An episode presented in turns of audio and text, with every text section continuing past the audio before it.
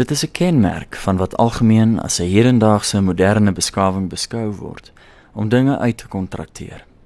Spesialisasie noodsaak dit. Tot so min as 100 jaar gelede was dit nog moontlik om 'n meester van vele nerings te wees, terwyl dit deesdae so te sê onmoontlik is.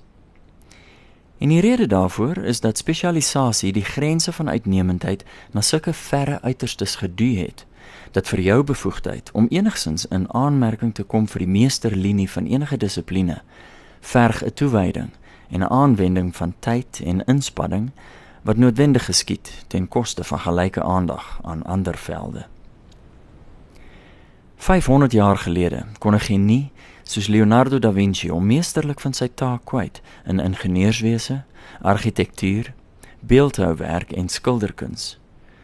'n Mens kan jou nouliks indink hoe enige persoon in vandag se wêreld die tyd kan hê om in al hierdie rigtings tot die hoogste vlak uit te styg. 'n Verdere nadeel van hedendaagse spesialisasie is dat daar juis as gevolg van die enorme toewyding van tyd en inspanning wat deur sodanige uitnemendheid vereis word, 'n groter kans bestaan vir wesenlike tekortkominge in vele ander fasette van die lewe. Die karikatuur van die verstrooide, emosioneel afgeslote professor is in 'n groot mate 'n manifestasie van hierdie tekortkoming. En so word ons dan deur hierdie neiging tot spesialisasie genoop om 'n verskeidenheid aspekte van ons hedendaagse lewe uit te kontrakteer die skoonmaak van ons huise, die instandhouding van ons tuine, die opvoeding van ons kinders, die voorbereiding van ons eetes, ons veiligheid, welstand ensovoorts. Hierdie kontrakteurs kom uit die privaat sektor, maar ook veral vir dinge soos veiligheid en welstand vanuit die regering. Verantwoordelikheid is die mag vanuit diself. Hoe meer verantwoordelikheid die individu uitkontrakteer, hoe meer mag vanuit homself staan hy af. In beginsel hoef dit nie 'n probleem te wees nie. Maar soos alle dinge word by oormaat ongewens en selfs gevaarlik. Ek het tydens die vele jare wat ek in die buiteland gewerk het, gemerk hoe die burgerryse druk op die regerings van Europa om vir hulle meer, omvattender welsyn te bewerkstellig, stelselmatig al hoe meer reëls en regulasies tot gevolg gehad het. En ja, Reëls en regulasies is noodsaaklik vir 'n samelewing, want dit fasiliteer die samelewendheid van mense deur die wispelturigheid en uiteenlopendheid van individue te tem deur middel van toegepaste konvensies. Maar vir die wins in orde en voorspelbaarheid is daar met elke reël en regulasie die teenprestasie van inperking van denke en handelinge wat uiteindelik 'n kreatiewe inperking konstateer. Beide is noodsaaklik, die reëlmatige sowel as die kreatiewe. Maar die balans tussen die twee is die balans tussen onderdrukking en anargie waarvan 'n oormatige neiging na ieder kant distopies uitspeel.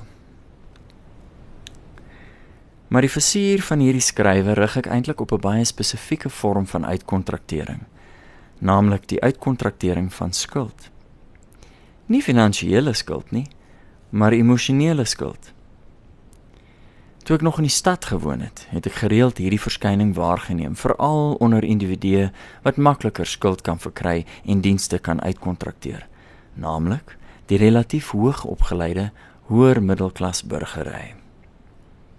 'n Meer bekende voorbeeld is waar ouers vanweë hulle professionele spesialisasie die emosionele skuld voortspruitend uit 'n gebrek aan teenwoordigheid in hulle kinders se lewens uitkontrakteer aan vermaaklikheidsdienste versorgers of die vervaardigers van speelgoed en lekkernye. In hierdie voorbeeld is dit duidelik dat die langtermyn seëninge van ouerlike teenwoordigheid, toewyding en aandag verpand word vir die kortstondige bevrediging van dopamiendosisse.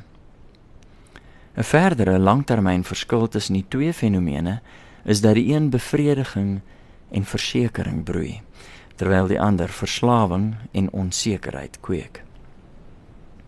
'n minder bekende, heimliker voorbeeld is waar mense inkoop op die propaganda-aanslag waar volgens die hartverworwe verdienste van hulle voorouers wat uiteindelik hul erfenis geword het en soms ook hulle eie swaar verworwe lewenswinste onverdiend en deur middel van sistemiese bevoordiging in hulle skote geval het. Die skuldgevoelens wat spruit uit die inkoop op hierdie propagandatrand kan vir sulke individue dikwels bemiddel word deur die aankoop van boetedoenings wat toevallig verskaf word deur dieselfde kanale wat die aanvanklike aanslag van stapel gestuur het. Hierdie boetedoenings vra dat die intekenare hulle tradisies ontsê, hulle erfenis versmaai. Hulle so luidkeels as moontlik uitspreek teen hulle voorouers se waardes en die pogings van hulle gemeenskappe om hulle tradisies, erfenis en voorouers te eer en in stand te hou sonder gesprekvoering of debat af te maak as verkrampte ekstremiste. Die bonus van hierdie boetedoenings is dat dit geen wesenlike belegging buiten napraatery en smadelikheid verg nie. Die langtermyn nadeel is egter dat die torings van hulle huidige werksaamhede laat ineenstort bo op die vergruisde fondasies. 'n Proses wat egter so lank duur om te vergestald dat die skade daarvan na alle waarskynlikheid eers in die volgende geslagte beleef sal word. Want skuld in die materiële wêreld sowel as die emosionele is presies dit. 'n onbetaalde uitstaande som vir dienste en goedere wat reeds ontvang is wat tot in die boedel bereken word en teen presies dieselfde insette terugbetaal moet word. En met rente natuurlik